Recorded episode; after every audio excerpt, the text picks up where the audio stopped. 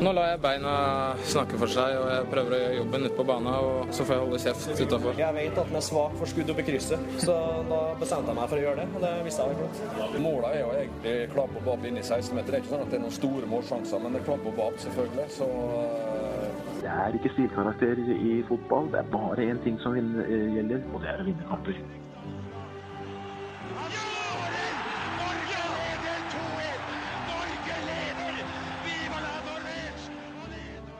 Og der er uh, Toffeball tilbake. Og i introen så hørte dere en uh, viss uh, mann, en viss legende. NRK-legende. Kommentatorhelt for alle oss som er glad i fotball. Og i dag så har vi han med i studio. Arne Skeie, velkommen. Tusen takk. Tusen takk for at jeg fikk komme til dere. Dette ser jeg virkelig fram til. Endelig så er du her. Endelig. Herlig. Ja, Så deilig at begge føler det på den måten. Det er ekstra fint. Ja. Håvard Lilleheie, velkommen. Tusen takk. Vi skal snakke mer med deg etterpå. Ja, ja, ja, ja, og jeg er klar når du er klar. Ja, det er bra. Jeg gleder meg. Jeg gleder meg. Lasse Wangstein, der er du. Ja, her er jeg. Det er Godt at du også tok turen. Ja, hyggelig. Kommer til dere etterpå. Først, det viktigste først. Nå må vi snakke med denne mannen med stor M. Uh, for mange så har han uh, så betyr han selve tippekampen. Uh, det skjønner jeg godt, for du har kommentert uh, hopp og fotball i NRK i mer enn 40 år. Første tippekampen Leicester-Tottenham på Filbert Street i 73. 1973, altså. 1973. 1. desember 40, eh, 73. Og da var du på stadion? Selvfølgelig var jeg bestandig ja. på stadion. Men jeg, jeg, visste, men jeg, visste, ikke om de hadde penger til det så, så tidlig. Men hvordan var det? Altså, jeg tenker 73 det var jo altså bare utenlandsreiser var jo noe man så på på en helt annen måte enn i dag. Hvordan var det for deg som ung mann å liksom gå inn på den banen og skulle kommentere der nede? Ja, hele, hele opplegget liksom. Fikk beskjed at du skulle på tippekamp. Så etter en stund da, så ble det klart hvilken kamp. Eh, Leicester, eh, Tottenham, eh, Filbert Street så jo selvfølgelig fram til det til de grader. Reiste over på fredag, måtte bestandig gjøre det, for jeg visste ikke hvordan det var med vær. og Det hendte jo, det hadde hendt at folk ble sittende igjen i Brussel, og det er ikke så veldig gunstig når du skal kommentere Leicester og ikke Anderlecht. Så vi reiste bort på, på fredag, kom til Leicester. Der traff vi den svenske og den danske kollegaen, pluss eh, eh mannen fra ITV, som var en slags eh, koordinator for oss. Eh, fikk snakket litt med den engelske kommentator. Kjøpte lokalavisa i Leicester for å se om det var et eller annet vi kunne få med oss der.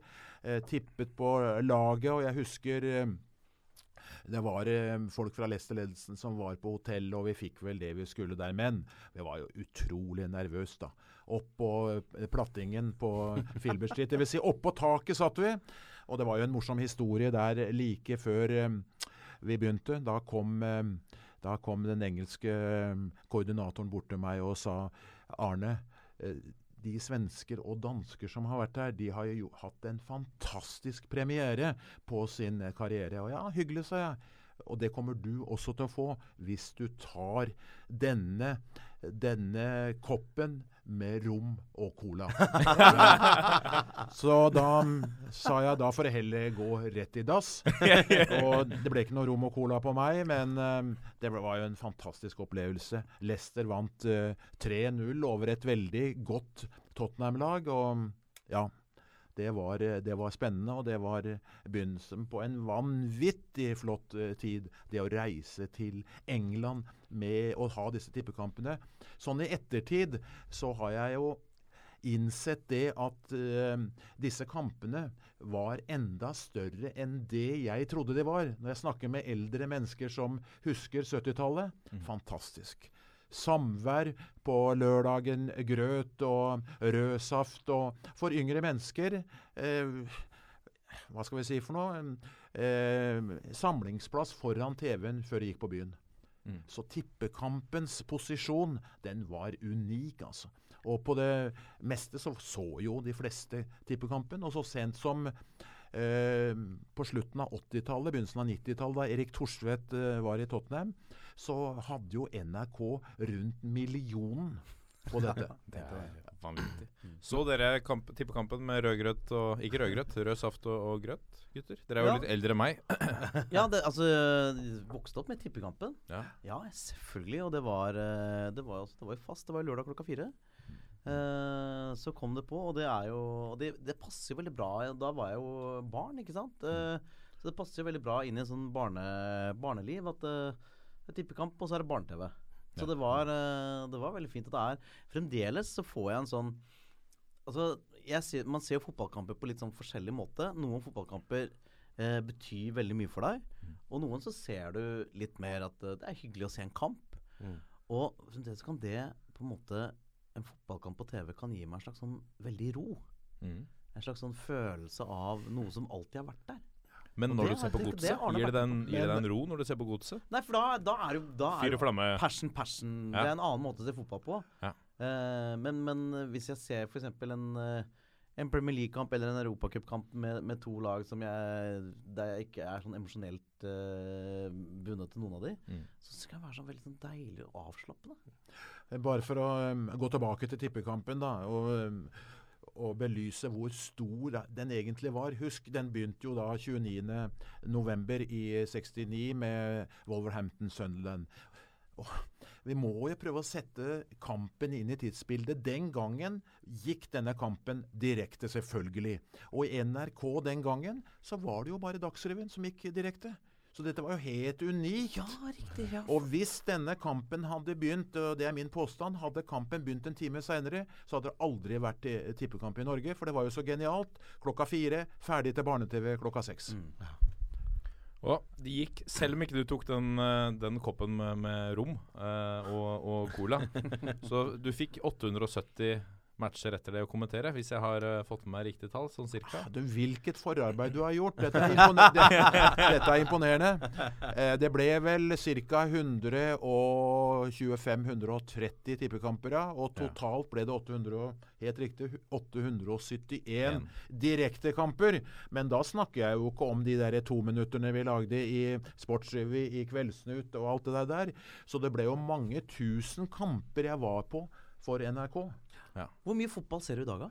Jeg ser jo veldig eh, Jeg ser veldig mye. Eh, fordi at eh, jeg har en del eh, kanaler. Jeg skulle kanskje ikke sagt det. Jeg har parabol, så jeg ser både jeg ser både Tyskland og England og Europa, så Du veldig følger Bundesliga ganske tett òg?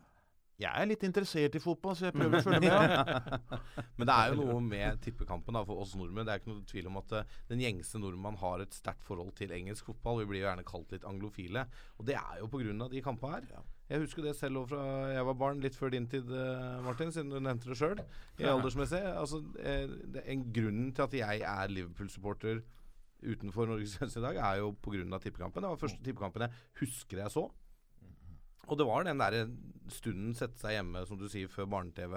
Eh, Det var noe eget med den engelske fotballen. Så det, det var jo veldig spesielt. Selv om dette er en pod om norsk fotball, og vi er veldig glad i norsk fotball, så er det noe eget med engelsk fotball. Og det er nok uh, pga. Arne og NRK. Altså, det er ikke noe tvil om. Jeg må ta med én ting til her. Eh, Altså Nå har vi snakket om NRK og tippekampen. Og denne tippekampen hadde ikke vært mulig hvis det ikke var for tippingen og Norsk Tipping. Min sjef den gangen, Jarle Høysæter, hadde aldri sendt en vilkårlig kamp fra England. Vi var jo eh, sågar nede og hadde Notts County og, og Blackpool på tredje nivå. Hadde aldri sendt disse kampene hvis de ikke sto på tippekupongen. Nei, nei, det var noe av vitsen.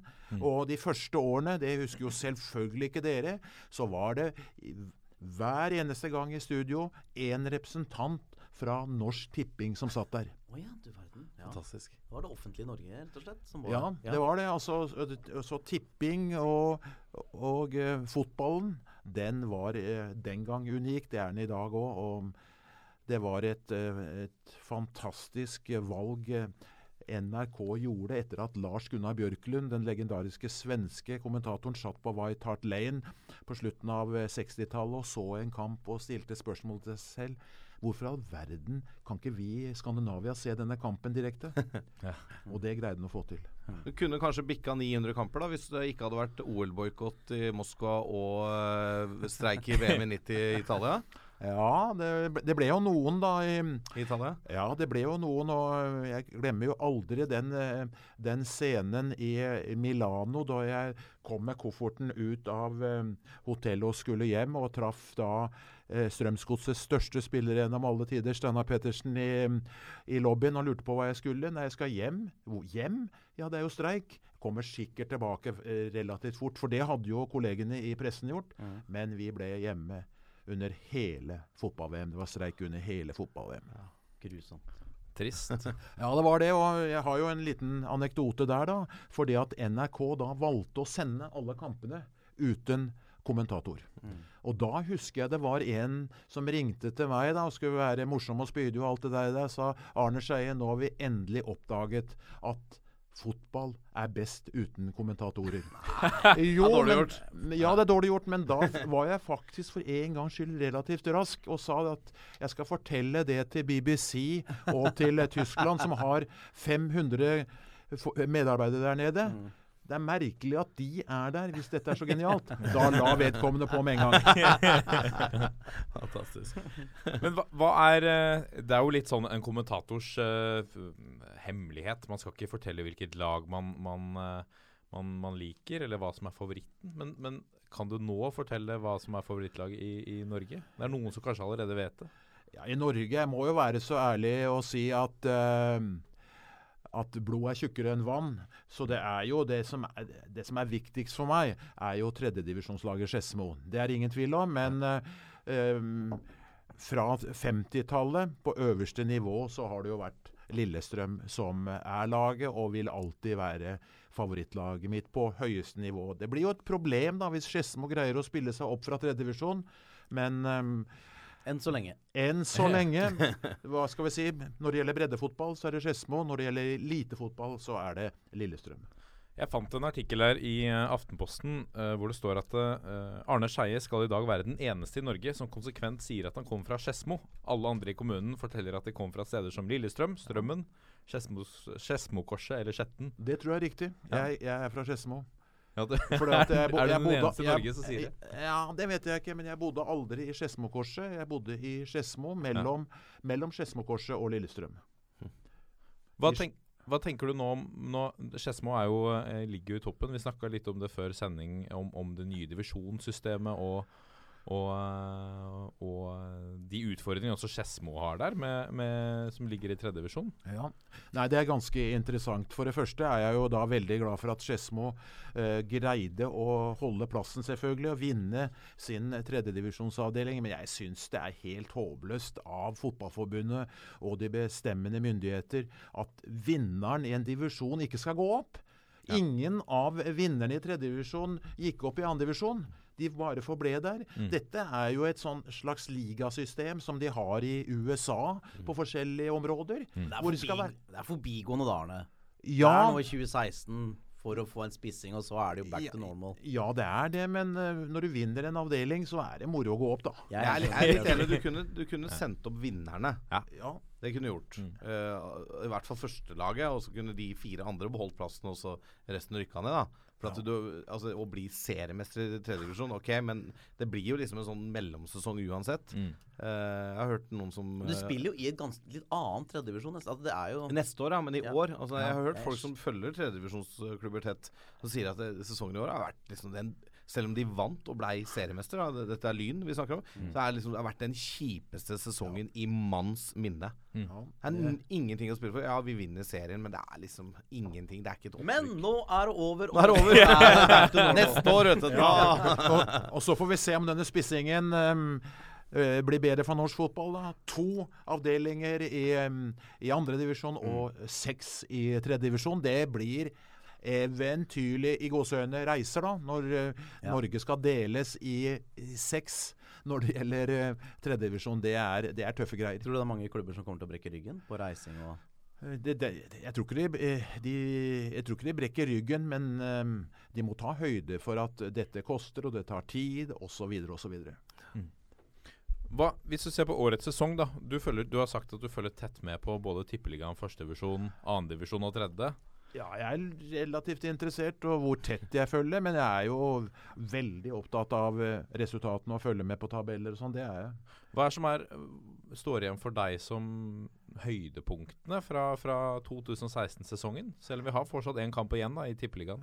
Ja, høydepunktene Høydepunktet for meg er jo selvfølgelig da at uh, Skedsmo greide seg. Det har vært ille hvis de skulle ned i fjerdedivisjon. Mm.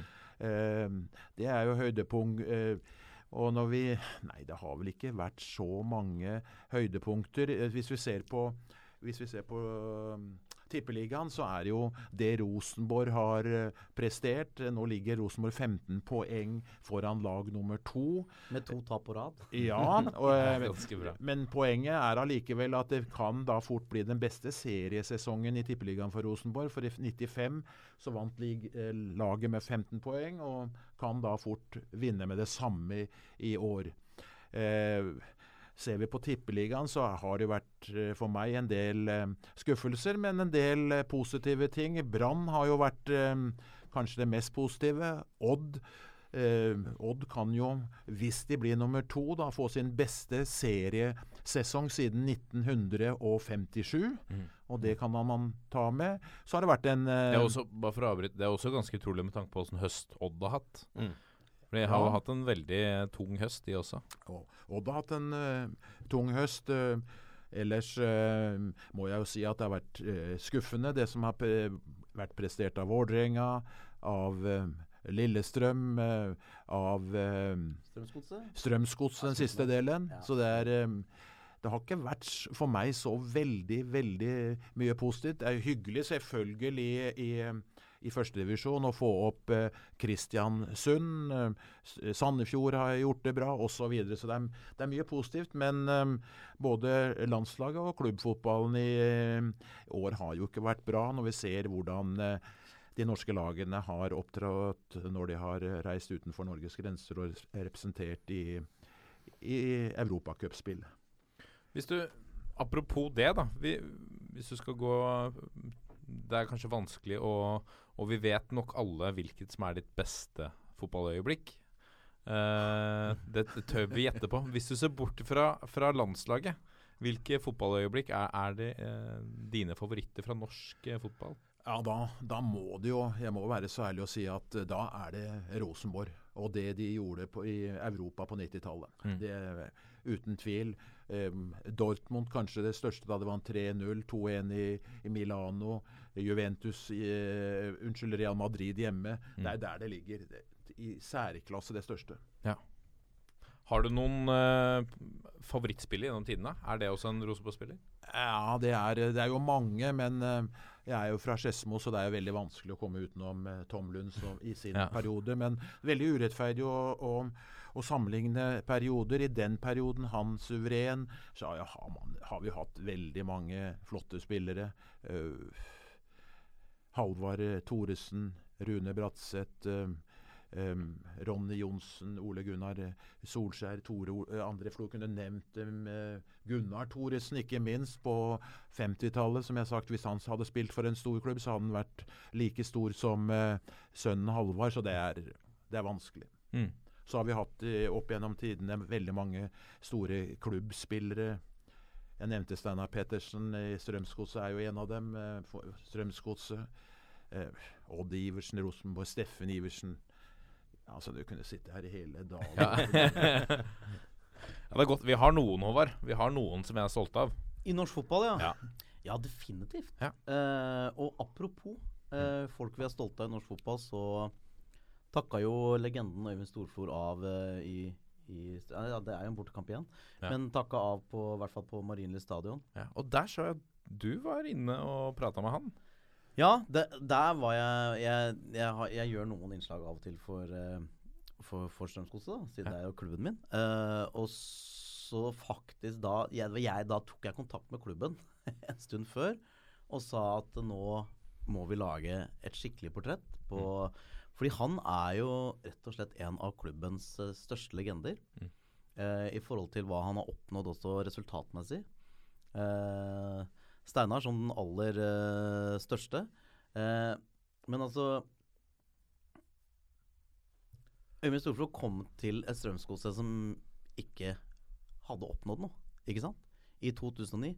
Og han kom som en voksen mann. Han kom som Nei, 29 der må jeg, det, det hadde de jo. Du må ikke glemme 70-sesongen, da. Ja, ja, ja, nei, nei, unnskyld. Og, og selvfølgelig med, med cupgullet. Altså, men, men nå tenker jeg på den generasjonen. Altså, unnskyld, det laget, det prosjektet, var, hadde ikke kommet i mål. Og ingen kunne jo vite eh, at det skulle bli som det ble. Ikke sant? Det, det, det ante vi jo ikke. Og vi trodde ikke. Eh, men han har vært altså den mest sentrale enkeltspilleren i forhold til det løftet som har gitt eh, to sølvmedaljer, seriemesterskap og cupgull. Eh, så han òg har hatt fantastiske stats hele veien. Og på Øyvind Storflorby så har han liksom gjort det litt sånn i det stille. En fyr som aldri fremhever seg sjæl. Som eh, år etter år har vært både klubbmessig og nasjonalt eh, på toppen eh, i norsk fotball når det gjelder eh, assist. Um, så det å få snakka med Og, og den i portrettet tenker jeg For en smart fyr. Jeg spurte han liksom Hvordan, hvordan blir du assistkonge eh, år etter år? Og så sa han Nei, jeg, jeg slår ballen dit jeg mener spissen bør løpe. Ja, det så jeg. Ja, det er deilig svar. og, og, og, og så sa jeg Hvis han ikke løper der, da slår jeg dit igjen. Mm. Så han slår Altså, han, han veit bedre enn spissen hvor han bør løpe for å få en stor sjanse. Han Eh, coacher spillerne egentlig underveis, han da. Ja, på en eller annen måte så Ja. er jo da Og som, eh, som BP også har sagt, at uh, Øyvind Storflor er en spiller som får andre spillere til å tro at de er like smarte som han. fordi, fordi han tenker foran dem. Og den foten og det, den avskjeden han fikk. Og jeg må si at jeg var kritisk når han ikke Han var ikke i troppen mot Kongsvinger. Nei. Og da tenkte jeg «Ja, Hæ? Ja, altså, ok, Om han ikke er i form til å starte Øyvind Storflor er en mann du skal ha med. Da, da, da ble jeg sint. Og så gikk det som det gikk. Og det er jo virkelig en kamp der vi hadde trengt Gullfoten. Ja. Altså Der hadde trengt en når, det, når de plutselig fikk 2-1, da. Tenk å kunne sette inn på Øyvind Storflor og si nå har vi i hvert fall en presis fot, så nå kan dere bare kjøre i boks. Eh, og så kommer han inn, og så får han det. Setter av dette frisparket, eh, som jo er jo en frisparkavslutning i, i verdensklasse. Altså fra, fra rett utafor 16. Det er få spillere som klarer det. Når det er så tett på 16-meterstreken, å få den over og så ned igjen. Så den, og det handler jo også om en fyr som er dønn seriøs. Jeg må si takk til, eh, til en legende i norsk fotball. Eh, både for Rosenborg og for, og for Strømsgodset. Altså en, en norsk klubblegende. Det er nesten så jeg håper for uh, både ettermælet hans altså, Det vil ikke gå utover ettermælet, men jeg håper nesten nå at han ikke spiller mot Haugesund i siste serierunde. For bare sette det punktummet med det frisparket på Marienlyst. Ja, det var helt Og så er du ferdig i godset. Og Du kan som- ikke slutte på en bedre måte. Og det var jo hele Altså, jeg, jeg føler altså, hele Det var ganske mye overraskende mye folk på kampen etter, etter cupfadesen. Jeg hadde tenkt nå kommer det fire. Men det var, det var over sju, så det var veldig Det var veldig gledelig. Men hele kampen var handla om Øyvind Storflor. De sang for Øyvind Storflor, og han kom inn, og han scora. Og det var eh, Ja, det var veldig fint. Jeg har ikke liksom opplevd samme liksom, fokus rundt en, en eh, spiller, en legende, siden Martin Ødegaard kom opp og begynte å komme inn på. Og da var det også et sånn helt sånn sjukt sånn forventningsbrus Ja. på tribunene når 15-åringen skulle innta matta. Så det var litt den samme gode, gode følelsen av å, ha, av å ha en ener blant oss. Ja. Mm. Det er så viktig å ha noen sånne spillere i klubben sin, uansett om det er en trønder i godset eller eh, hvor det er. da Mm. Ha noen sånne som har vært litt bærebjelker, som har vært med en stund, som betyr mye, som har vært med å prestere. Som har liksom eh, Altså, det, det, det er så viktig, da. Og vi er altfor dårlige på å gi de oppmerksomhet i ettertid. Altså Og på en eller annen måte ja. Å ta vare på Dette er jo noe Altså når du, når du drar på kamp i England, og du ser på hvordan de både tar vare på og hyller de som har vært klubbens største, Mm. det er til etterfølgelse, og det bør vi bli bedre på. Absolutt. Ehm, hvem, hvem er det som står fram for deg som, som den altså bautaen? Ja, vi, vi har nevnt liksom Morten Berre, Mm. Fred og Santos. Er det noen andre der i Vålerenga som, som, som du vil trekke fram som klubblegendene? Ja, Så vil jo sikkert Arne korrigere deg med, ja, med da, litt det, vil, eldre helter. det, det vil han helt sikkert gjøre. Nå må jeg tenke i min tid, da. Ja. Altså spillere jeg husker. eh, Så har jo jeg en Tom Henning Håvi, Ja. eh, som var kaptein i mange år og had, lenge hadde rekorden for flest antall kamper. Mm. Eh, han var jo med på den oppturen eh, som Vålerenga hadde på midten av 2000-tallet. Han, eh, han vil jeg trekke fram der som en sånn klubblegendetype. Så, så er det vanskelig å komme unna, da, syns jeg, selv om de ikke har den lange perioden i Vålerenga. Men jeg syns det er vanskelig å komme unna spillere som Arne Gauter Arason, Steffen Iversen, Ronny Johnsen, som kom inn og var med å løfte Vålerenga fra liksom eh, litt sånn mørke til å ta seriegull, da. Mm. Eh, og jeg mener jo den sommeren 2004, da Vålerenga henta Steffen og Arne, da, da skjedde det noe på Valle. Mm. Eh, hvor vi da havna liksom det målet bak Rosenborg eh, i kampen om gullet, og så tok eh, da gullet året etter. Men det å få inn de to spillerne, den tryggheten bakerst med Arne Ja. som bare, Det skjedde noe med hele Forsvaret Ja. idet han sto der. Og, så Og ikke, og Steffens måten han drar med seg andre Apropos fotballklok spiller, da. Det det kan du ikke ta fra Steffen Iversen. Altså. Han skåra ikke masse mål, men han binder opp, og han vinner dueller, og han drar med seg folk, og han ufarliggjør uh, de viktige kampene. Mm. Fordi han er i han har godt humør og er liksom Han tar litt sånn lave skuldre hele tida, ikke sant? Men er han etter Jostein Flo eh, den beste hodespilleren vi har hatt i, i vår tid? Jeg sender vi spørsmålet til den tida av tror jeg. hvis du tar- jeg Ta bort stoppere, da, men tenker offensivt. Um, uh, når det gjelder Steffen, så sier jeg at Steffen er den komplette spiller. Han, som du var inne på her, han bærer jo et, eh, et lag, og han er humørspreder, og han er Ja, han er en fantastisk spiller å se hva han har vært med på. Og for meg så så vil han jo for alltid da mm, bli husket for det som skjedde i Rotterdam i 2000, da han skårer mot Spania. Det eneste målet Norge noensinne har gjort et EM-sluttspill. Og det kommer kanskje til å gå noen år til vi får et til. Nei, Steffen var eh, fantastisk bra. Kanskje best på hodet i, i eh, sammenlignet med antall centimeter. For han var jo litt lavere enn Jostein, for å si det sånn. Ja. Men han hadde en timing og en spenst. Ja, Steffen. men, eh, Steffen, Ja, ja. Steffen var eh, topp internasjonal klasse som hodespiller. Ja. Jostein var kanskje verdens beste Ja, hodespiller. jeg må, Ja, ja, jeg må bare da Ja, men, ja, det er, det er, det er, du er jo veldig glad i. Jostein. Ja, Altså, st- eh, Steffens posisjon eh, eh, den illustreres ganske godt uh, i 99, da Tottenham vinner ligacupen. Da sier manager George Graham at han er den beste spiller vi har. Rett og slett. Tenk deg den karrieren han kunne hatt med litt mindre skader, da. Ja. Mm. Men det er klart, med hans spillestil òg. Han gikk jo inn med hud og hår uansett og haka først. Og husker jeg så en landskamp på Ullevål. Jeg tror det var mot Slovenia. Da tror jeg han ble skada etter tre minutter. Ja. Da var det en hodeduell ute på sidelinja ved ja, benken. Mm. Og bang ned og vrei, vrei i ankelen og ute i noen uker. Og, men han gikk inn bang, altså. Uansett hvilken kamp det var, så var det huet først. Og ofra alt for å vinne den ballen. Hele tida. En fantastisk type, altså. Ja. Med det sagt, eh, Lasse, så eh, vi ble enige om at eh, denne uken skulle du eh, lese eh, ratinger. Ja. Og det har jo rent inn siden forrige uke på iTunes. Ja, det har det. Det har kommet én. Det har kommet to. Har det kommet to? Ja, her har du oppdatert. Oi, har akkurat kommet Du skal få lov å lese Altså det er rating på iTunes, eh, Arne. Folk som går inn og, og legger inn omtale. For når vi snakker litt om Vålinga, så kan du få lese rating nummer 21 der. Ja, da, den er fra Tåsen. Ja. Og han eh, gir vår Det er første gang vi får eh, fire stjerner istedenfor fem. Det må være greit. Ja. Overskrift 'Kunnskap om lavere div og engaprat', står det. Ja. Fin podkast. Kjernås har enorm kunnskap om alt i norsk fotball, ned til tredjedivisjon. Ofte fine diskusjoner, men i nesten alle temaer blir Vålerenga trukket inn, og det nevnes av én i panelet. Minst 30 ganger per pod.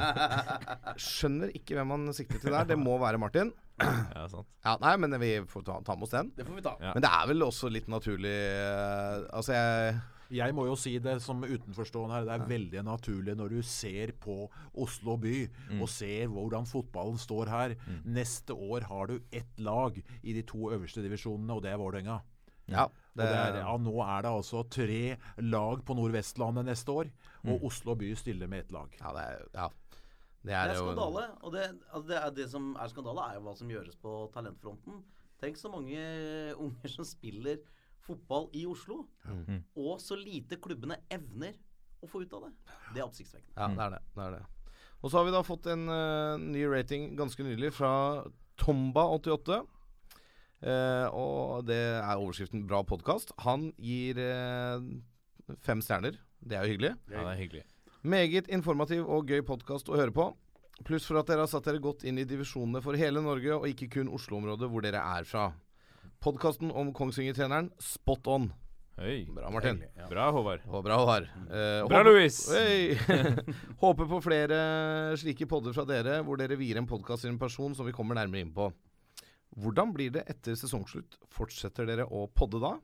Og skal dere lage en egen cupfinale spesial?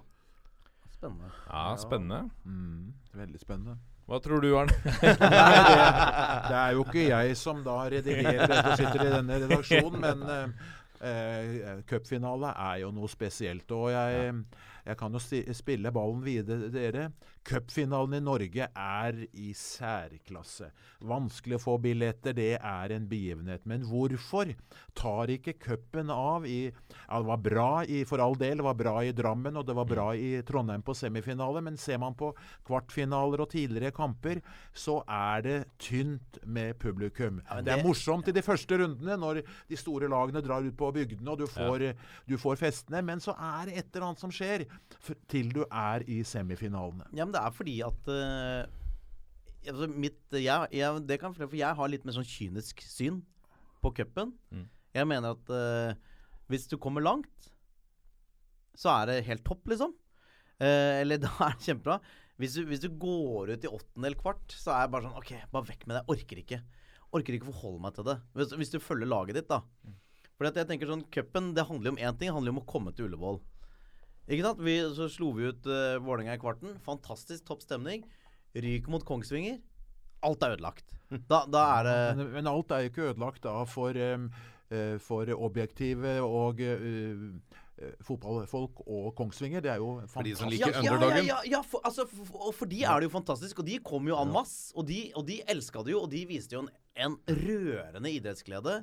Og jeg må si, at det var litt sånn eh, nå, nå, nå begynner jeg med digresjoner igjen, men, men altså det å se hvordan Pimenta var på, på linja der, Ja. og hva slags passion han, eh, Ja, han hadde. Altså det var litt som eh, det var litt som å se, selv om spillestilen er en annen eh, litt, det var litt som å se oss da Deila var i starten, liksom. Med en veldig ung, sulten trener som, som slo klubber som, som man trodde man skulle tape mot.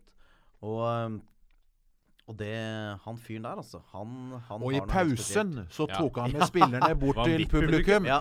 Og jeg satt hjemme og så dette og tenkte som så Når opplevde jeg dette ti, eh, ti, eh, tidligere? Jo, i 1959. Nessegutten mot Viking på Ullevål. Nesseguttens spillere ble sittende ute på banen oh. i pausen. Det var fantastisk. Ja. Det er nydelig. Det er jo ikke mer enn hva er det for noe? 57 år siden. Da, Litt av stund. Ja. da skjedde det. Også. Han hadde gjort sin research da Pimenta tilbake til 59. Men jeg tror da, når du, det du er inne på i forhold til cupen og de rundene før finalen Altså Finalen vil alltid stå der, for det er det å komme til Ullevål. Det er noe helt eget. Det er Ja. kanskje den største enkeltkampen du som norsk spiller kan oppleve. da Fullsatt Ullevål cupfinale. Det er høytid, og det er 13-15, og det er liksom Det er den uh, greia der.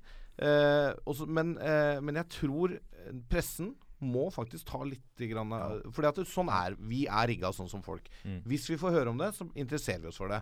Pressen må skrive mer om eh, kvartfinalen og semifinalen. Jeg så nesten ikke Uh, nyhetsartikler i, som oppspill til semifinalene. Ja, men Lasse, det speiler jo folks interesse. Ja, Fordi det at, er jeg helt hør enig da. Nå, eh, fordi Arne snakker om den som objektive fotballfanen, ikke sant? Og de er det en del av. Uh, men eh, norske folk som er interessert i fotball pga. medietilgangen, så sprer de det de er opptatt av mye mer, ikke sant? I forhold til England, Champions League, eh, her og der. Og, og veldig mange av de som er opptatt av norsk fotball, er opptatt av det fordi de er opptatt av klubben sin i større grad enn de er eh, både den nøytrale fotballinteresserte. Og for en, eh, for en eh, hvis, hvis du er en, eh, hvis du er en Obos-klubb, Mm. eh, eller Post Nord-klubb, Ja, så vil det jo være, hvis du kommer litt i cupen, helt fantastisk. ja Da elsker du det. Men for en uh, tippeligaklubb så er det sånn at uh, hvis du ikke kommer til kvarten, så er det bare sånn ah, det er mislykka. Ja, Glem det. Orker ikke. Selvfølgelig er jeg helt enig. ja. Og det, er, det, det gjenspeiler interessen til folk, men allikevel, den interessen kan også skapes av hvordan enten rettighetshavere eller pressen eh, bygger opp kampene. da. For vi husker jo da TV 2 tok eh, Tippeligaen på 2000-tallet, og den eh, ekspansive økningen det var i interessen rundt norsk fotball en periode der. Mm. Altså norsk fotball her hjemme på berget. Uh, på midten av 2000-tallet, den var jo ganske bra en periode. Ja, de Og så har tok jo til et nivå. Ja, og så har den sunket litt igjen. Og da mener jeg det, det Litt av grunnen til det er ikke bare fordi at norsk fotball blei mer spennende. Men det er også fordi at de gjorde noen grep i forhold til hvordan de eh, formidlet norsk fotball. Og, og, tettheten på klubbene. De hadde profiler. Eh, det var mye saker om fotball. Så folk hadde det top of mind hele tida. Nå er det liksom sånn Ja, det er fotballkamp til helga. Hvor, da? Liksom, nå, Ja, ja. da må jo da må, Det er jo NRK som er rettighetshaver Ja, der, men- så da må jo de gå tett inn på hvert oppgjør da, og lage portretter. Og For lage, eksempel. Ja. Mm. Eh, Kan hjelpe litt, i hvert fall. Og skrives det og snakkes det om det eh, mye, så får folk et inntrykk av at dette er viktig også. Dette Mm. må vi ha med oss. Jeg er helt enig. Til en viss grad. Til en viss grad. Ja, det Men- er jo viktig. Det er jo den Ja. viktigste kampen. Det bygger, bygger opp om den viktigste kampen. Og Den da er viktigste enkeltkampen, ja. ja, Ja, det er jeg enig i. Cupfinalen, og Ja. cupfinalen er jo svær. den er svær. Ja. Og Norge har en eventyrlig posisjon i, i Norge. Det er jo bare England, og til en viss grad kommer jo nå Tyskland. og Mm. Det er ikke mange land som har den, den tradisjonen og den posisjonen som den norske cupen. Nei, og det er unikt, og det er veldig bra. Men til den siste ratingen her, da. Vi legger vel ikke på røret etter siste serierunde? Nei. Og Det det, kan vel hende vi skal snakke om cupfinalen? Ja, Ja. det kommer vi til. Da har vi svart på det. Ja. Yes. Nei, jeg tror det fortsatt er eh, nok å snakke om norsk fotball etter at sesongen er ferdig. Jeg håper jeg Så tar vi også juleferie på et tidspunkt. Ja, Neste år blir det ganske greit for dere, da. For at, øh, da har de jo bestemt at cupfinalen skal gå langt ute i uh, Ja. desember. Ja, deilig. Første, ad første, første advent, er det ikke? Ja, Første søndag i advent. Å ja, hvorfor det? Ja, nei, Forlenge si det. sesongen. Ja. Si det. Nei, men jeg orker ikke å være sint. Alle er sinte på forbundet. Jeg orker ikke å være sint på Nei, vi er ikke- forbundet. vi er Det er en god grunn. Ja, det er det en er god sikkert grunn. noe annet de må ha først. Vi skal og det- forlenge ja. sesongen for å være mest mulig like internasjonale, altså euro europeiske ligaer. Ja. For Men så har, på den annen side så har du da neste år så har du jo ikke noen turneringer. Du har ikke EM, du har ikke v VM. Da kunne man jo spilt eh, mer når banene er eh, flotte, men På sommeren. det er, det er jo Fotballforbundets problem, da. Eller utfordring.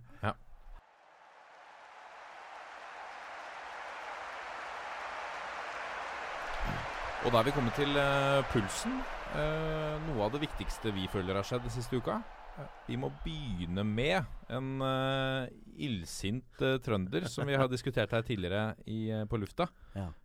Ole Selnes. Han meldte veldig mye om medspillere og fans og presse og, og, og de tingene der etter de foregående landskampene. Så har han tydeligvis også meldt noe ganske hardt til assistentdommeren. Ja, og så har han fått eh, Det er fire kamper, ikke sant? Eh, fire kampers Ja, det var jo etter kampen i Baku, da, hvor han mente at dommeren hadde blåst i stykker kampen. Blåst på alt, og hadde tatt et oppgjør med dommeren inne i garderoben. Ja. Uh, og det ble det skrevet en rapport på. Og så fikk han spille mot San Marino, for da var ikke den uh, avklart ennå. Så kom nå straffen i går. Straffeutmålingen fra Fifa. Mm. Og det var da fire kamper, eller som enkelte i pressen velger å kalle det, elleve måneders utestengelse. Ja. Men altså, Jeg elsker den ja, er, ja, er. Men det er fire kamper, da. Fire kvalikkamper. Så han kan spille U21, og han kan spille privatkamper. Og det føyer seg inn i rekken av norske idrettsutøvere som uh, blir uh, tildelt straffer som vi føler er veldig urettferdig her oppe. Men her snakker han jo på seg. Det er jo forferdelig dumt. Så kan man jo si at fire kamper er ganske tøft når eh, andre sparker ned eh, motspillere og får én og to. Jeg har jeg- jo hørt at dette er forbundets argumenter. Ja, men jeg er helt enig. Ja, For, fordi at jeg, da, vi, da jeg for 100 år siden var trener og spilte og sånn, så var det jo en fast regel at vi snakker ikke på oss utvisninger og gule og røde kort. Nei. Og det har tydeligvis Selnes eh, gjort her. i Føyer seg inn i en rekke av hendelser. Og jeg vil også påpeke at uh, vi, har, uh, vi har hørt hans versjon Mm. av hvordan han opplevde det som skjedde. Vi, vi veit vel ikke akkurat hva som sto i dommerrapporten, veit vi det? Er Ikke, nei, vi har bare hørt hva han har, hva han har meldt inn, Ja. eh, og hvordan han oppfatter det. Så vi kjenner hans side. Vi kjenner hans side, og jeg mener da altså, Det er jo som Arne sier, at uh, du kan sparke ned en motspiller og egentlig ende karrieren hans. Skaden, sånn at han ikke kan spille fotball igjen. Og du får tre kampers karantene. Hvis ikke dommeren ser det, da. Hvis dommeren ser det og dømmer for det på kampen, så får du kanskje to kamper. Mens her har han da sagt noe til dommeren, ifølge han selv og NFF, og får fire kamper. Da mener jeg da må det ha skjedd noe mye mer alvorlig enn at han har eh, skjelt ut dommeren og sagt at han eh, gjorde en jævlig dårlig jobb. Mm. Altså, Jeg, det, jeg tipper det handler om ordbruk. Ja. Eh, og så vil jeg si at det har jo også skjedd en utvikling i, i fotballen der man i større grad eh, straffer spillere på bakgrunn av eh, Altså også ja, hendelser som dommeren ikke ser i forhold Ja. Så der har det vært en positiv utvikling, da. ja da. Ja da. Eh, sånn det, det jeg vil si, er at eh, vi, vi skal i Norge være forsiktige med å alltid si at vi blir urettferdig behandla. Helt enig. Hver gang vi får en, en straff fra andre. Nå føler jeg at nå må vi bare ta denne her på kinnet. Mm. Det Anke, og så hvis, anke, hvis det gir mindre straff, helt topp. Hvis ikke, du, La det ligge. la det ligge. Gå videre. Eh, Det- og så må vi For at det, det landslaget vårt har ikke så mye å gå på i, Nei, ap- i folks øyne. Apropos landslaget. Diomande fikk jo tre kamper da for å ha, ha slått denne spilleren eh, i, I denne ligacupen. kampen. Ja. Ja. Men ja, det det er heller er jo ikke Det er jo ikke Altså, det er jo en, en act of uh, violence, men Ja. det er jo ikke noe karriereavsluttende. Nei, nei, nei. Det er klønete og dumt å, å la seg hisse opp, men, når det- men ikke noe Men når det gjelder Selnes, så går det noen øh, rykter, ja, for å si det på den måten, på at øh, ordbruken hans kanskje var litt sterkere enn det han selv sier i dommerrapporten. Eh, og da kan det hende at dommeren følte dette såpass truende, da, både i atferd og ordbruk, at øh, de på bakgrunn av dommerens eh, rapport setter straffeutmålinga til fire kamper. For det går vel kanskje grenser her på hva som er eh, provoserende og fornærmende, og det som oppleves truende. En, ikke sant? Hvis han går mot han med hytta neve, eller har tatt tak i ham på en eller annen måte Men så, dette veit vet jo ikke vi. Nei, ikke sant. Nei. Vi vet ikke. Men det må vi jo altså, For å Og kunne det, jeg merker man også er at uh, de andre norske spillerne som har uttalt seg i pressen om det, Mm. sier at jeg var enten på banen eller jeg var i garderoben. Så det ikke. Dette er altfor strengt. Ja. Men de har da ikke noe Det er Ole Selnes versjon de, Ja. Av det. ja. Og Så det, enten så Men så tror jeg også altså det, Men det er jo det der med å kalle det elleve måneder, da. Her hørte du at eh, lagkameraten din Ole Selnes fikk elleve måneders karantene. Det er klart, Da reagerer du ganske sterkt, da. Ja. Men det er bare fire kamper. Å ja, ok. Ja, Ja, Men vi, fall- vi, får, vi får ta den på aka. Ja, det er i hvert fall eh, synd at han ikke er disponibel i denne viktige kampen i, i Tsjekkia neste uke. Ja, for han Veldig. mister uh, bortekamp mot Tsjekkia, uh, deretter bortekamp mot Nord-Irland, og hjemmekamp mot Aserbajdsjan og hjemmekamp mot Tsjekkia. Mm. Så det er vel uh, ganske viktig. Det er fire Det som er bra, er jo at eh, At Stefan Johansen har begynt å spille fast igjen. Mm. Eh, og det er jo eh, Stefan Johansen som hadde jo en fantastisk første sesong i Skottland. Mm. Og så tror jeg rett og slett at Stefan ble sliten. Han hadde spilt så mye strekk. Altså gikk jo rett fra tippeligaen til å bare å begynne å spille i, i Skottland. Fikk jo ikke de uh, naturlige pausene som, uh, som er bra for en spiller å få for å lade batteriene. Så det vi må håpe på nå, er at vi får se Stefan tilbake i god, gammel Stefan-form. Ja, Han fikk jo veldig god kritikk nå, da. Eh, Fulhams vant jo eh, 5-0. Ja, Og eh, hele laget fungerte. Så nå er det vel Er det ikke Brentford det i et lokaloppgjør nå? Så får vi se om Fulham og Stefan lever opp til det som skjedde i siste kamp. Det blir veldig spennende. Og denne saken skal vel også ankes, så, det, så det gjenstår å se hva som skjer videre. Men jeg er litt eh, på deg, Håvard, at nå må vi bare Ok, hvis anken ikke vinner igjennom, så må vi la det ligge. Helt så må vi gå videre. Helt enig. Uh, vi kan jo sitte her på berget og mene at alle rundt oss er idioter, men uh, det får oss til å fremstå litt som Se litt i speilet sjøl av og til òg, kanskje. Ja, kanskje.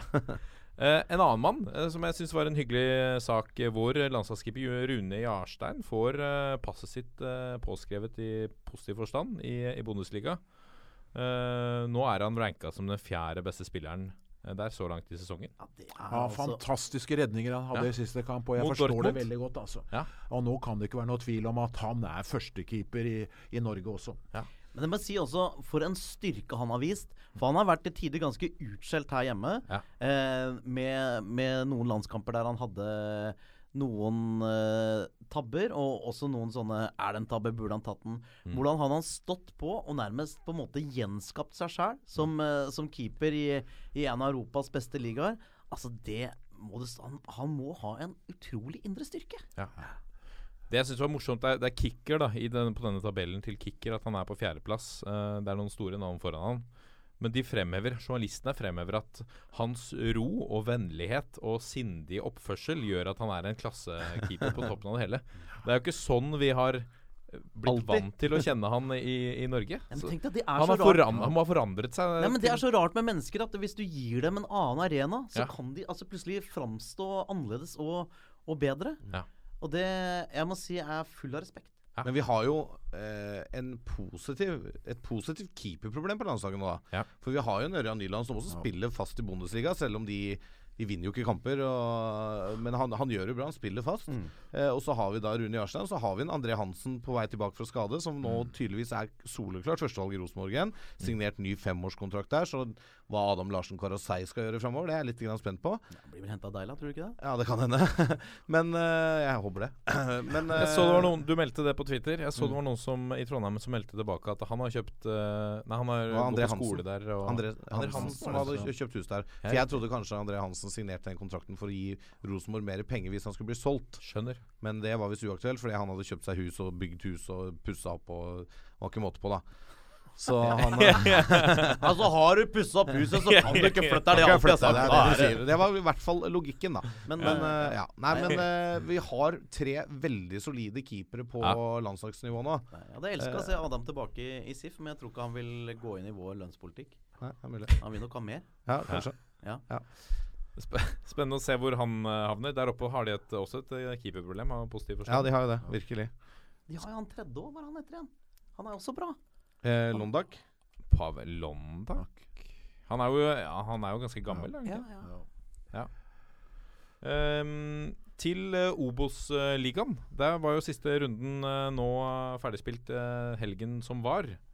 Eh, og de som endte med å rykke ned der, så har vi jo Bryne, Hødd, KFUM Oslo og Raufoss.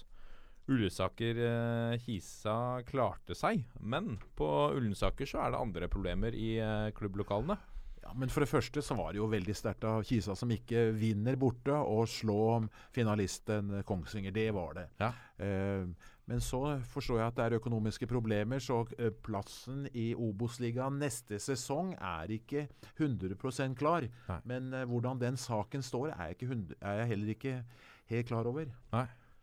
Nei, jeg, så en eh, overskrift i lokalavisa, uh, Eidsvoll Ullensaker Blad, som eh, fortalte at det jobbes på spreng med å, å beholde disse velgjørerne til, til Ullkisa, de som har spytta inn litt penger for at det skal være drift der oppe. Mm. Jeg vil vel tro nå, når de klarte å berge seg, at uh, viljen til eh, velgjøring kanskje er litt større enn eh, den hadde vært hvis de hadde rykket ned uh, til, eh, til uh, tredje nivå. Det er rart om, om tidligere velgjørere nå sitter stille og ser på at de må, må, ned i andre. Fordi at de ikke har penger, Da. ja det, det ville overraske meg noe veldig. Så jeg, jeg tror Ullkisa får på plass eh, det de trenger, rett og slett. Og hvis ikke, så er det kanskje Bryne. Som, Det er det Bryne som holder plassen. som gikk ned etter hvor, hvor, hvor mange år var det de hadde? 45 år vel på de to øverste Ja, er nivåene. jo- Ja. Ja, med den kulturen i Bryne så er det jo veldig, veldig trist. da. Nå er, virker det jo som det er um, eh, Sandnes som på en måte tar over plassen til Bryne, ved siden av storebror eh, Viking.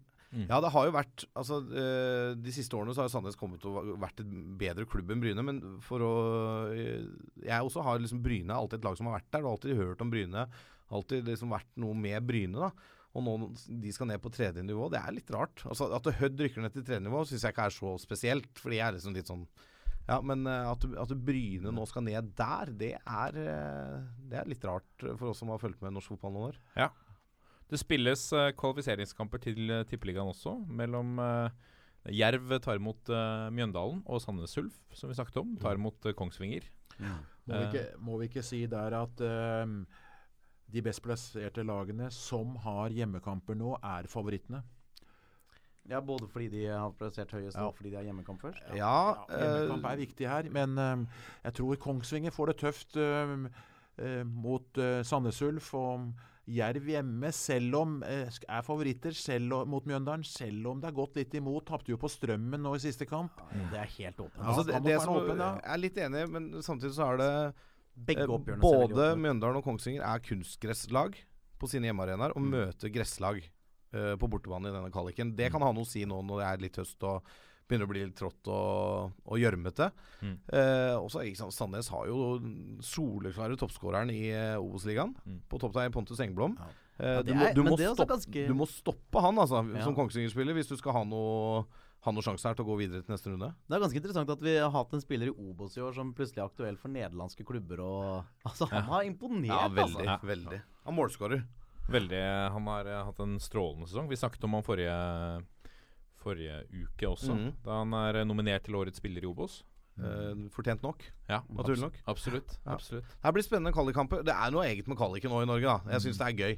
Uh, og jeg syns det oppsettet som er nå, med at de uh, fra da plass tre til seks i Obos møtes først internt, og så vinneren av den kvalikrunden møter uh, tippeligalaget. Eh, det blir litt flere kamper med betydning. Så har du da vinneren av disse oppgjørene her skal møte da det laget som havner på kvalik i Tippeligaen. Eh, Det blir jo fantastisk oppgjør over, utover høsten her med flomlys og dugg i gresset. Og så vil jeg også si at det faktum at, eh, at Kongsvinger allerede har vist ved å gå til, eh, cupfinalen at de er veldig gode på å spille, spille kamper der det er vinn og forsvinn, og, og sette opp taktisk i enkeltoppgjør. Det også er jo noe som taler til Pimenta og Kongsvingers eh, fordel.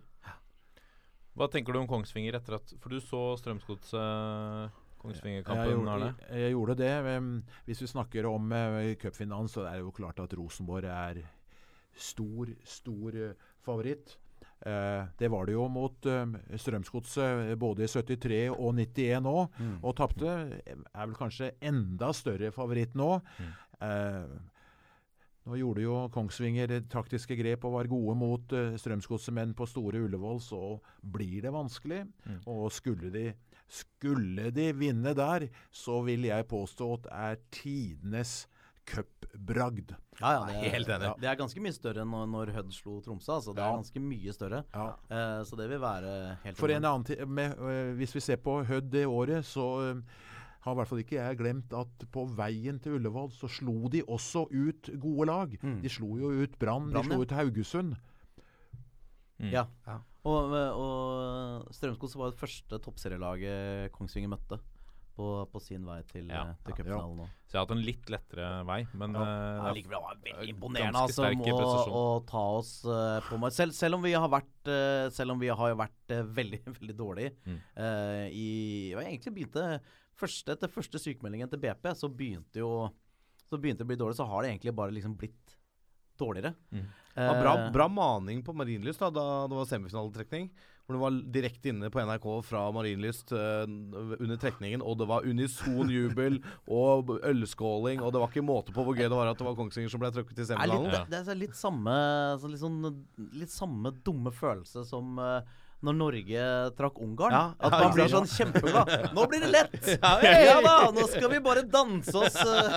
Til finale. Og det er altså den, eh, den type undervurdering. Ja. Det, Ja, det livsfarlig. slutter visst aldri. Det Og det er, jo, det er jo det med den cupfinalen her òg, da. Kongsvinger-Rosenborg. Altså Denne skal uh, Rosenborg ta i 98 av 100 tilfeller hvis de er nok påskrudd. Ja. Sånn er altså Den kvalitetsforskjellen bør være der. Ok, nå har Rosenborg tapt to kamper på rad i Tippeligaen, men jeg tror Rosenborg nå egentlig bare driver og hviler seg litt inn mot cupfinalen. For det er eneste kampen som gjenstår som betyr noe for Rosenborg. Men jeg, jeg, må, jeg, jeg må bare komme inn der. Fordi at eh, at Én ting er jo at eh, ja, det er bra Mm. å kunne, men Rosenborg har hatt fallende kurve etter at serien ble, ble avgjort. Og nå skal de da hvile seg til en Mm. Ja, ja. viktig kamp. Og det kan være bra, du kan samle overskudd. Men samtidig så, så skal jo Kongsvinger spille viktig kamp, viktig kamp, viktig kamp. Mm. Og hvis de klarer å holde den energien, og hvis de også får positive opplevelser, Opplevelser, ja. uh, inn i kvaliken, så, så kan en sånn tro flytte fjell-sensasjon Uh, Helt klart. Og så og så må, må Kongsvinger dra til den cupfinalen med bare sånn tanken om at vi har alt å vinne. Ja. Ingenting å tape. Det gjorde de på Marienlyst. Ja? Prøve å senke skuldra, prøve å ufarliggjøre kampen i seg selv. Og bare nyte stunden. Tenk å gå ut på et fullsatt Ullevål, 28 000 tilskuere. Kjempestemning, ikke sant. Eh, litt eh, kjølig, kanskje du må dra på deg vantene, men ok. Men det er, det er noe med hele den der Og det er, det er som vi sa i stad, det er den største norske enkeltkampen i året. Det er noe av det største norsk fotballspiller kan oppleve. Det er drømmen om Ullevål, liksom. Bare gå ut og nyt det. Sug til deg inntrykkene og alt som er. Da kan du faktisk få til noe, altså. Ingen vil eh, klandre Kongsvinger eh, hvis de skulle tape. Nei, nei, nei. Overhodet har- ikke. De har Men gjort ja. Tror dere eh, Pimenta var jo her i, i studio og, og sa til deg, Håvard, egentlig at han kom ikke til å følge dine råd når Nei, han skulle møte. Godset. Han gjorde jo heller ikke det. De gikk ut og spilte sitt spill. Ja. Uh, Han er enda sterkere taktiker enn meg. Det er men tror vi Hva, hva skjer om man, om man gjør det samme mot Rosenborg? Kommer de ikke til å bli straffa én gang? Altså, de kunne jo fort ha blitt altså, i, i, straffet mot uh, Strømsgodset. For de første 25 minuttene så eide jo Strømsgodset kampen. Ja, men de rea det veldig og de, Gjorde det. Godset produserte ikke så mye. Gjorde Hadde ikke den det. ene til Markus som han uh, burde fått på mål. Mm. Uh, og ellers så var det Så produserte vi eh, som vi har hatt en tendens til å gjøre. Hatt eh, bra med possession, driver og styrer og steller, men, eh, men har uh, så altfor få midtbanespillere som eh, som, eh, som kommer inn i boks og fyller opp eh, sammen med Markus. Og derfor så og, og når da legg ofte kommer fra, fra siden, da, enten at det er en hard lav eller et eh, vanlig legg, og du ikke har trøkk i boks, så er det vanskelig å, å produsere store sjanser. Og så er, og så er Rosenborg, eh, selv om de tapte mot Godset nå sist, Rosenborg er så ekstremt gode på, eh, på overgangsspillet sitt. Å ta laget i ubalanse. Mm. Uh, og de kommer med mange, og de kommer fort. Og de har målfarlige midtbanespillere som kan dunke den inn fra distanse der hvis ikke spissa leverer foran. Altså, altså Rosenborg har så mye strengere å spille på, så uh, Kongsvinger være skjerpa i 90 minutter. Og de kan ikke gi Rosenborg noe rom, for da blir du knallhardt straffa. Altså, og Rosenborg skårer på sjansene sine som regel. Så det, er, det må nok opp noen hakk fra Marienlyst-kampen òg, skal det være noe håp om uh, cupgull på, på vinger. Jeg tror jeg må dra på den cupfinalen. Merkelig når vi snakker om det. Får jeg litt sånn forventninger. Cupfinalen må du på hvert år. Uansett hvem som spiller. Vi burde fått eh, arrangør Vi burde fått en egen sending der oppe. At vi hadde en sending hvor vi snakka om Kan vi ikke akkreditere oss, da? Jo, jeg syns det. Vi akkrediterer oss. Dere der ute, send oss noe pressepass, så kommer vi opp og holder en uh, ekstra sending. Vi kan gjøre det gratis. Ja, ja, Gratis live. Ja, gratis live. Vi gjør alt gratis. Vi. Ja, Eh, før vi går videre uh, Du har jo et, eh, et brennende fotballhjerte også for 2. og tredjedivisjon, uh, Arne. Og, og oppsettene der. Du er litt nysgjerrig på hvordan Vel- de har tenkt å gjøre det? Ja, veldig, veldig nysgjerrig på oppsettet i 2. divisjon. To nordnorske lag og lag spredt over hele, hele landet. Jeg håper at Fotballforbundet tar hensyn til lokaloppgjørene. Skal man få folk, så må man i hvert fall ha lokaloppgjørene. Og her i Oslo-området er jo veldig mange lag nå som, eh, som skal spille i andredivisjon. Koff, eh, Koffa kom ned. Vi har jo travere som Skeid der, vi har Grorud, vi har Kjelsås. Ja, det blir veldig spennende. Og i tredjedivisjon Oppsettet der er jeg også spent på, de seks avdelingene. Hvordan blir det? Hvordan blir eh, reisende? Det er åtte lag fra Nord-Norge der. Det skal, være, det skal jo være 14 i hver avdeling. Eh, deler de Nord-Norge, for å si det på den måten? Hvordan gjør de det? Mm. Eh, Hva ville du gjort, Arne? nå har jeg jo ikke alle de seks foran meg, men jeg ville vel Jeg ville vel antagelig satt opp de nordnorske lagene og, og, og latt eh, seks lag reise opp der. Og da, men da er jeg jo redd for at det vil bli lag som er eh, Som ligger i nærheten av Gardermoen. Og da er jo mitt lag Skedsmo utsatt til de grader. Ja, for det er jo ikke Altså, Én ting er reise veien i antall kilometer, men en annen ting er måten du kan komme deg Ja, de kilometerne. Og bor i nærheten av en flyplass da, som har forholdsvis grei connection videre, da, og det ser vi i cupen nå, da, da blir du gjerne satt opp uh, i det. Men jeg håper at de i både andre og tredjedivisjon nå klarer å sette opp litt lokaloppgjør, som du sier, kanskje i andre divisjon. Sette opp en slags trikkeserie.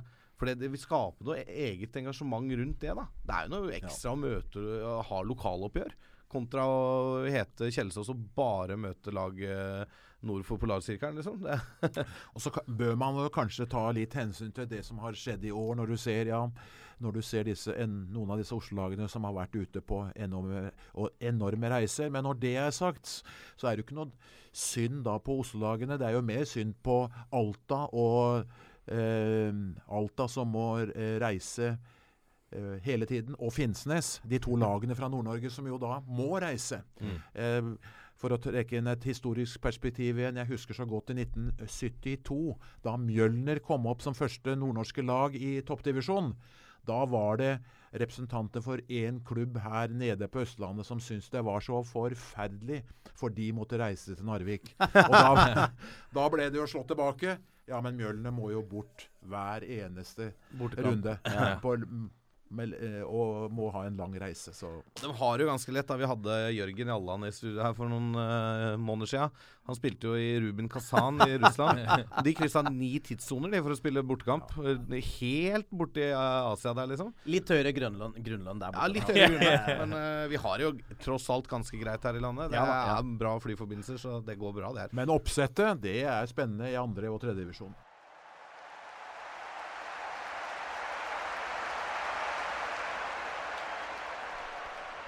Og til helgen så er det Da skal altså alt uh, avgjøres. Det er siste runde i uh, Tippeligaen. Det er kun Start som er klare for uh, nedrykk.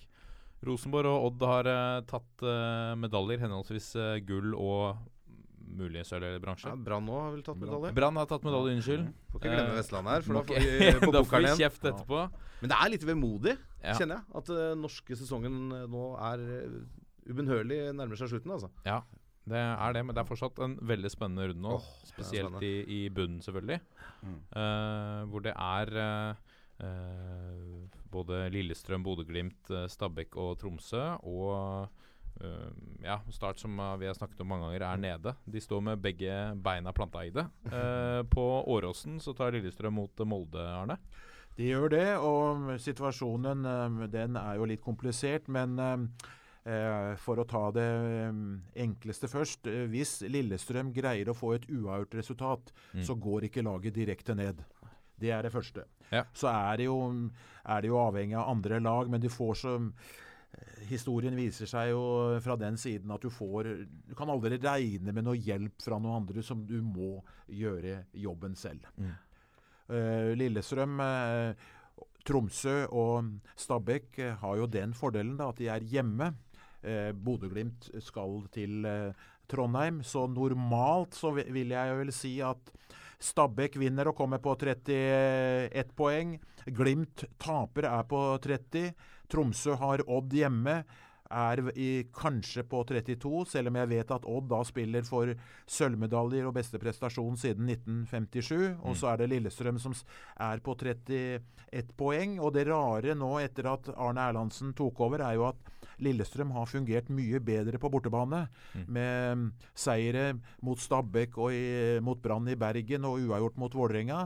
Og skarve ett poeng på to hjemmekamper. Så får vi se hvordan det slår ut eh, nå. Men, Men- eh, konklusjonen er ett poeng, så er det ikke direkte nedrykk. Nei, det er det ikke. Og, men, og Lillestrøm har jo alt egentlig i egne hender. For vinner de, så er de sikra, for de har såpass god målforskjell òg. Men tror du ikke det med at de har vært bedre borte, er litt med spillestilen til Arne Erlandsen nå? Den er jo ganske pragmatisk. Ja da, det Eh, og da å drive og styre hjemme mot et start passer det ikke like godt som å ligge litt kompakte borte mot Brann og, og vente dem ut, satse på dødballer og kontringer, som de er sterke på. Helt enig. og Det samme skjedde jo med Sogndal, som han trodde skulle eh, være et, eh, en grei motstander for eh, Lillestrøm. Men det ligger nok under nå at ett poeng får vi det, så går vi ikke direkte ned. Og så er det jo da opp til Det er jo en nøkkelkamp her mellom Rosenborg og Glimt. Hvordan tar Rosenborg dette? Vi vet jo denne forbindelsen som alltid har vært der mellom Rosenborg og Bodø-Glimt. Rosenborg vil gjerne ha Bodø-Glimt der,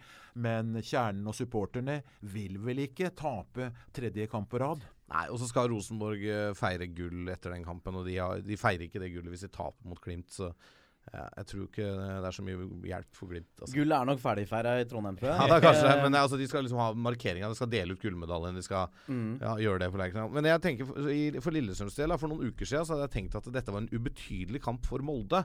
Så sånn sett så burde det være til fordel Lillestrøm. At de liksom der hadde en god sjanse, for Molde har virka litt ute av det. vært litt sånn Men nå er det jo sånn at Molde kjemper om å få den faktisk viktige fjerdeplassen. da For hvis Rosenborg gjør jobben i cupfinalen og vinner den, så får fjerdeplassen europakvalik neste år. Mm. Og da blir det plutselig litt å spille for for Molde, da. Ja. Som uh, malte over uh, Stabæk sist. Mm. Så det gjør jo at den kampen får en ekstra dimensjon, da, i, i, i tillegg til den nedrykkstiden som, eh, som Lillestrøm sitter oppi. Mm. Men du som kjenner Lillestrøm godt, Arne. eh, Frode Kippe. Mm. Fikk gult kort mot Vålerenga sist og må stå over. Mm. Det kan ha vært hans siste opptreden for Lillestrøm, fordi han har ikke fått ny kontrakt. Hvor, hvor viktig er det at han ikke er med i den kampen? Altså, Frode Kippe eh, er jo en, eh, en av de viktigste spillere Lillestrøm noensinne har hatt, så at han er med, er utrolig eh, viktig. Eh, Men det er jo laget, det er jo, det er jo laget som allikevel er eh, viktigst her. og det er jo vanskelig å, å, si. Det er det, som jeg sier, det er det poenget om eh, Arne Erlandsen tør å spille på det poenget. Nå har jo Erlandsen vært veldig flink med å redde laget i det siste. da, eh, Moss og Fredrikstad. Så får vi se om han greier Lillestrøm. Jeg trodde ikke dette skulle holde da han tok over, når jeg visste du skulle bort mot Stabæk, skulle bort mot Vålerenga, bort mot Brann. Eh, jeg er ikke etterpåklok når jeg sier at jeg syns dette grepet Lillestrøm kom altfor seint. For når jeg hadde ferie i sommer, og Lillestrøm taper hjemme mot Stabæk og Tromsø og drar til Sarpsborg og taper 3-0 så må du gjøre noe. Du kan ikke tape kamper mot uh, konkurrentene dine i gåseøynene, altså de som ligger, i, ligger på samme nivå. Mm. Men nå ligger de jo altså da på, på tolvteplass og med, og med bedre målforskjell enn både, enn både, Tromsø og Glimt.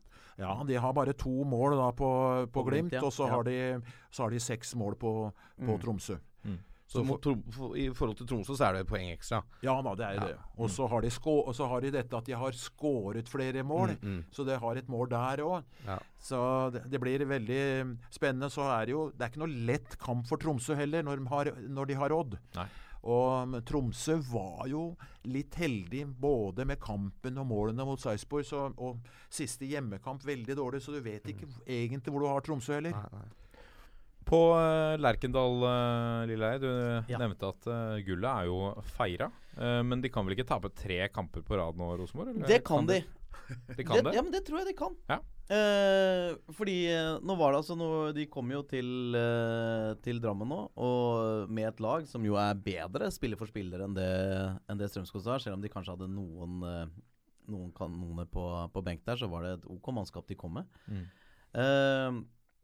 Og det var jo en sånn kamp, og, og du, ser no, du, ser jo noen ganger så ser du tendensene til Rosenborg. Åh, oh, nå kommer de med, med, med trøkk og sånn. Men uh, det var ikke et lag som var fullt uh, påskrudd. Uh, og, og Strømsgodset prøvde vel bare å på en måte riste av seg skuffelsen i en sesong som på en eller annen måte er litt over. Mm. så ble det jo Øyvind Storflors dag, og det, det tror jeg nesten alle i Trondheim unna nå. Men det er klart at det Rosenborg-laget, som jo da Det er jo et mye bedre mannskap enn Bodø-Glimt spiller for spiller. Altså, det, det, er det jo. Mm. Så, men samtidig så er jo Glimt et bra overgangslag. Mm. Eh, med, med, hurtighet og, og, evne til å det, det, er jo kanskje den ene store styrken de har, da. Mm, mm. eh, sånn at hvis Rosenborg går ut for å, å dominere, og, og, Glimt får på plass Og hvis Glimt får på plass én overgang, Trond Olsen er farlig. Trond Olsen Trond er farlig. Olsen, ja. Mm. Og Asemi har jo, hatt, eh, har, jo, har jo, dødd litt, men plutselig, hvis han får, uh, får satt den igjen, så og, og, det er klart, her møter de Det er ett lag som har alt å spille for. Spiller for sin eksistens mm. i, på øverste nivå. Og så har du ett lag som egentlig har én kamp igjen av sesongen som betyr noe. Det er cupfinalen. Mm. Og de, jo, de, snakker jo om dette her eh, ta to, to double på rad, som, som vil være unikt. Så jeg, jeg, jeg syns ikke at dette er um, det, det er ikke, dette, er, dette, er, jeg ikke sikker på.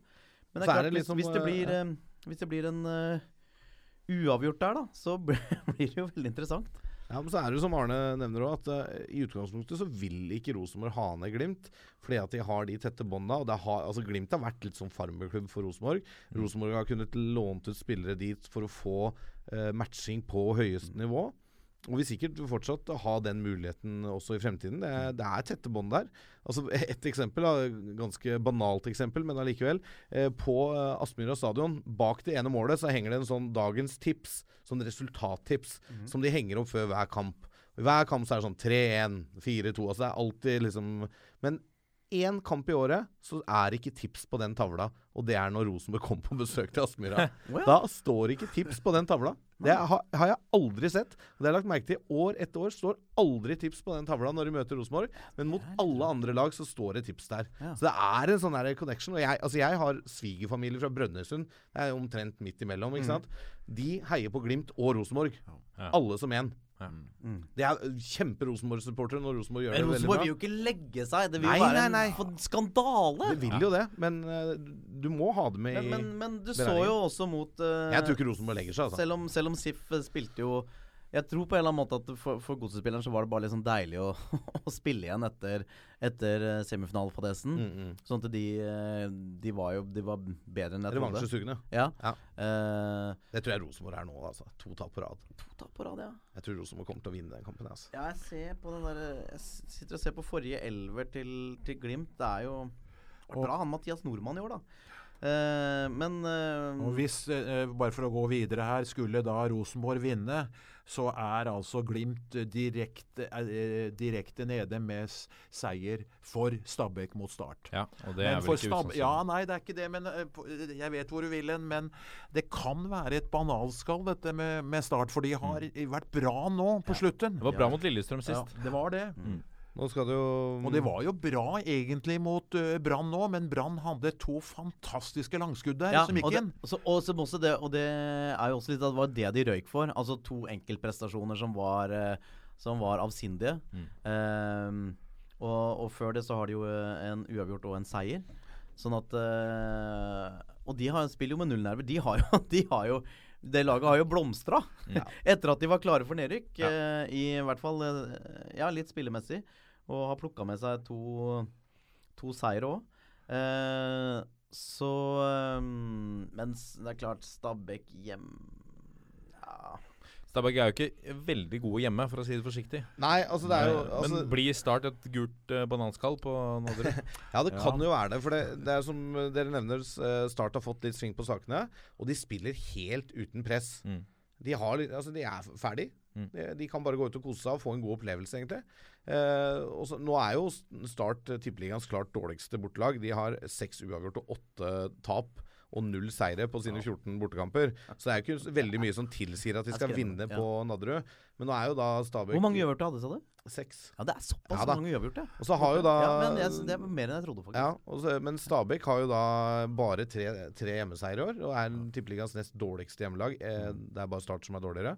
Ja. Eh, så To bautaer som møtes der. to ordentlige bautaer. Så det, det er sånn Altså Stabæk har rett og slett vært sjokksvake på Nadderud i år, altså. Eh, så det er et bananskall, det her, for eh, Stabæk, eh, som også fikk ordentlig maling mot uh, Molde sist. Men Stabæk har jo litt mer offensivt skyts. Ja, De har jo i utgangspunktet det, Ja. men de har jo en midtspiss der, da, nå husker jeg ikke navnet på den i farta, men som ikke har prestert sånn kjempegodt. Mm. Eh, men de har jo noen spennende offensive spillere. Så har du sånn Keita som plutselig bare kan Ja, Hvis han velger å spille for seg sjøl, som du er glad i å si, Ja, ja. eh, og vise seg fram en siste gang, så kan jo han finne på mye rart, han. Eh, så det er, men det, altså, jeg tror faktisk dette kan bli sånn ordentlig Hawaii-kamp. Ja, mm. Hvor eh, Stabæk er desperate, har alt å spille for og må prøve å få et resultat. For de må ha et resultat. De må vinne. Det er liksom Mohammed Keita-kamp òg, han, må- han, eh, han spiller for framtida si. Ja, ja, det gjør det. Så han er nok sånn egoistisk sett uh, tent på Ja, men jeg syns Stabæk har virka litt sluttkjørt i det siste. da Ja. Når i de taper forrige gang på slutten her mot eh, Sarpsborg og sånn. Og mot Molde var de som så kampen, påstå at det var en veldig svak opptreden av, ja. av Stabæk. Så, Ja. så har de jo De har omtrent um, samme dårlige målforskjell som Tromsø. Litt, um, litt dårligere enn Lillestrøm. Du, vi kan altså få uh, få en avgjørelse her på målforskjellen, og kanskje til og med ett mål. Ja, eller på antall skårtere. Og Ja, det verste her ja. er jo at eh, Stabæk er ikke garantert verken kvalik eller å holde plassen selv om de skulle vinne. Nei. Men det, Men de til- må jo. Ja. men det tilsier igjen da at uh, Glimt tar uh, poeng, da. Ja da, ja da. Det er jo mye variabler her. Altså Den søndagen blir jo fantastisk å sitte og se på Fotballekstra og switche mellom kamper. Og gud, som jeg gleder meg. Jeg, jeg tror jeg skal ha et uh, ganske godt øye på den Stabæk Start-kampen, altså. Ja.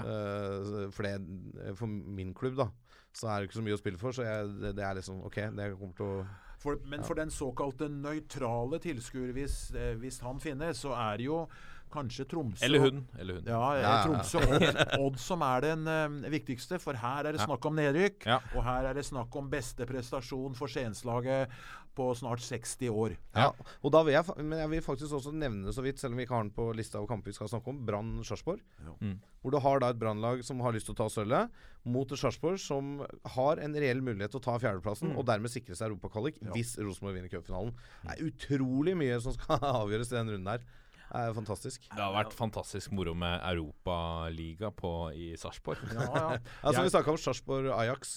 Nei, jeg snakket Jeg har vært og sett på Sarpsborg eh, Leeds, da. Oi! Tenk på det. Ja. For 100 år siden. Ja. Så Sarpsborg har vært med på eh, mye.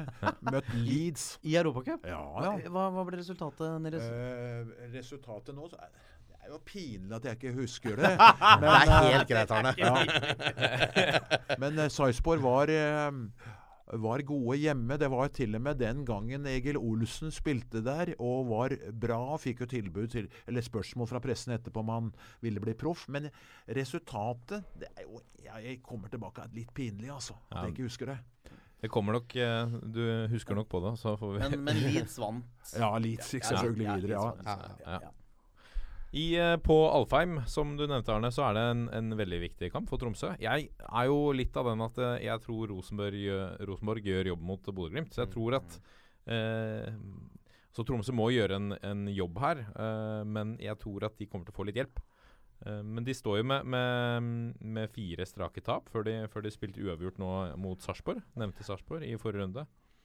Eh, ser vi på statistikken hele sesongen i år, så er det jo De er jo nødt til å score for å, for å, for å vinne. De har ikke vunnet eh, en eneste match eh, i år hvis motstanderne har tatt ledelsen. Oi, såpass, ja. De har aldri klart å hente inn en eh, Aldri klart å hente igjen en ledelse. Oi, oi. Ja. Så, eh, så det er det ingen tvil om. Odd er jo uh, tippeligas nest beste bortelag. Mm. Nå uh, Nå har de jo kommet seg. Nå står de med to uh, Nei, tre seire på rad, eh, faktisk. Etter å ha slitt, slitt i høst, de òg. Det har vært litt samme kompleks der som med Godset. ja, det er sånn forskjellig Ja. form som møtes, da. Eh, og så har du jo et Tromsø-lag som egentlig har vært helt nakne etter Bård Flovik gikk ut og sa at nå, nå har vi nok sikra oss. Nå kan vi begynne å se inn mot 2017. Helt Det er så dumt å si. Ja. Ja, det det I en sånn eh, liga som det er, som er så tett. Altså det er jo, Hvis vi ser på det, det- er 20 poeng mellom sølv og, uh, og kvalik. Ja. Eller ikke kvalik, men plassen over kvalik. Det er, det er, jo, ingen- altså det er jo nesten historisk eh, lavt antall poeng på sølv i år. Kan bli det. På, eh, etter, 30, etter vi gikk over til 30 kamper. Ja, for det har jo vært uh, Altså Vi kan si i hvert fall at uh, Brann har jo prestert uh, bra i forhold til forventningene. Mm, -hmm. På tross av at jeg føler Jeg følte også sesongen at de var litt sånn undervurdert fordi de har brukbart uh, mannskap spiller for spiller. Ehm, men, men de har jo virkelig gjort jobben. Utover det så er det vel ingen som har gjort jobben.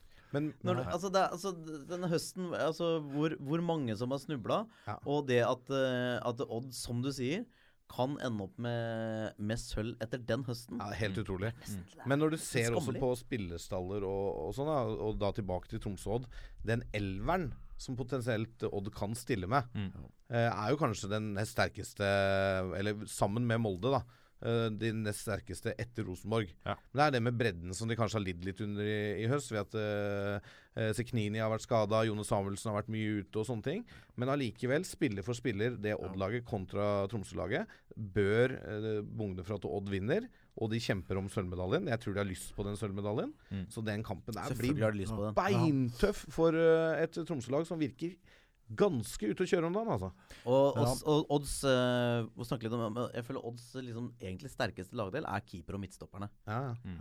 Der er Helt de gode. Ja, er klasse. Men når det gjelder Tromsø, så er det jo litt eh, synd for 2017. Da, for jeg føler at de har mange unggutter på Mm. gang i Tromsø. Helt enig.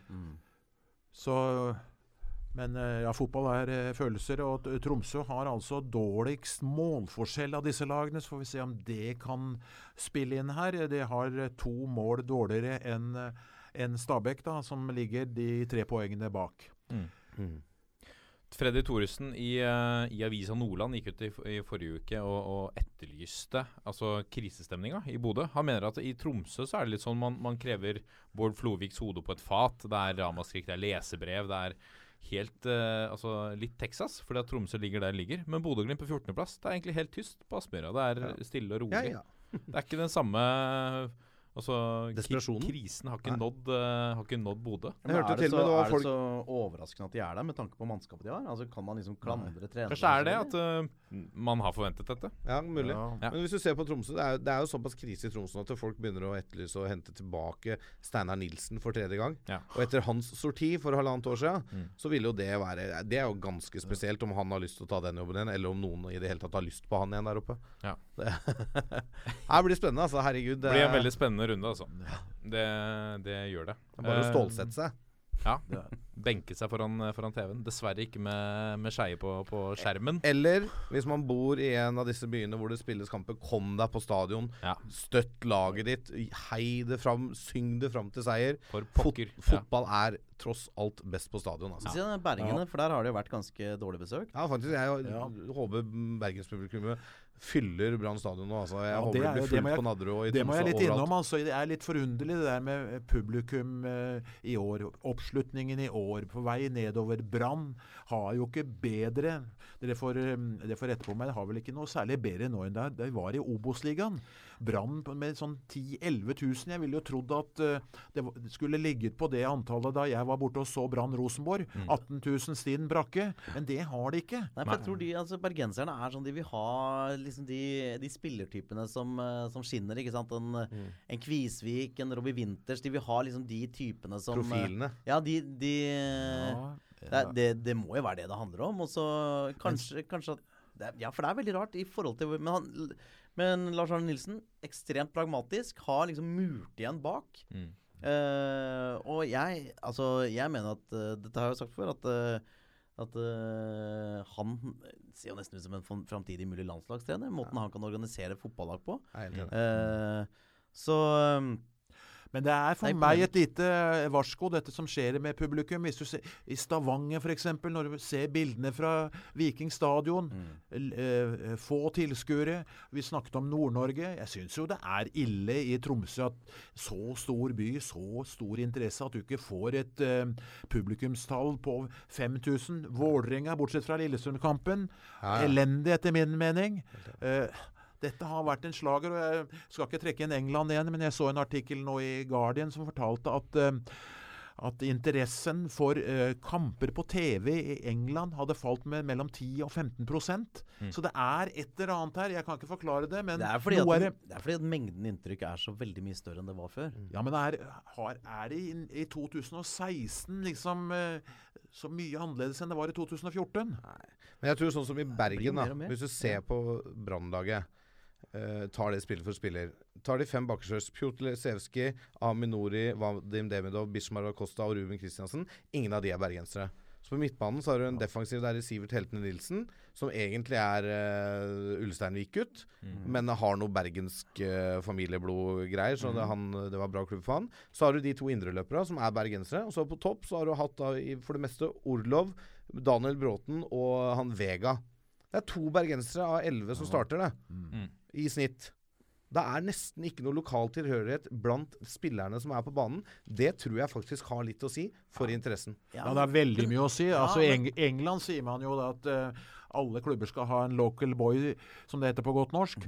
Og det tror jeg også du har helt rett i. Det gjelder i Norge. Veldig fint hvis uh, det er noen som er f født noen hundre hundre meter fra stadion eller i nærheten. Ja, men det er også viktig å huske at uh, Martin Andresen var ikke fra Bergen. Det var ikke Raymond Kvisvik, ikke Torstein Helstad, ikke Robin Winters og ikke Charlie Miller. Nei. Eh, Men jeg vil si at alle de er litt større profiler enn Jakob Ja. Orlov. det det, men, ja, ja. Så jeg vil, jeg vil trekke fram at det kanskje profilpoenget er vel så Men Ja, det er klart, ja, hvis du har et lag der, der du ikke har så mange enkeltspillere som skinner så sterkt, så kan man argumentere Igjen, mener. Igjen så er det jo drakta som betyr noe for supporterne. Ja da. Jeg motsier meg kanskje litt her nå, men uh, drakta er jo viktigst. Det er den uh, supporterne kommer for å heie på. Og drakta i Bergen er fin, er det ikke den som er som en regnjakke?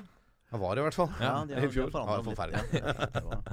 Ja, Vi må nesten eh, runde av der, vi. Tusen hjertelig takk for besøket, Arne. Det har vært en ære. Ja, det er veldig hyggelig. Jeg sier bestandig til alle at det er veldig hyggelig å bli invitert. Og når jeg kommer i et sånt forum med sånn fotballekspertise, så er jo dagen reddet for meg. Det er fantastisk. Det er hyggelig å høre.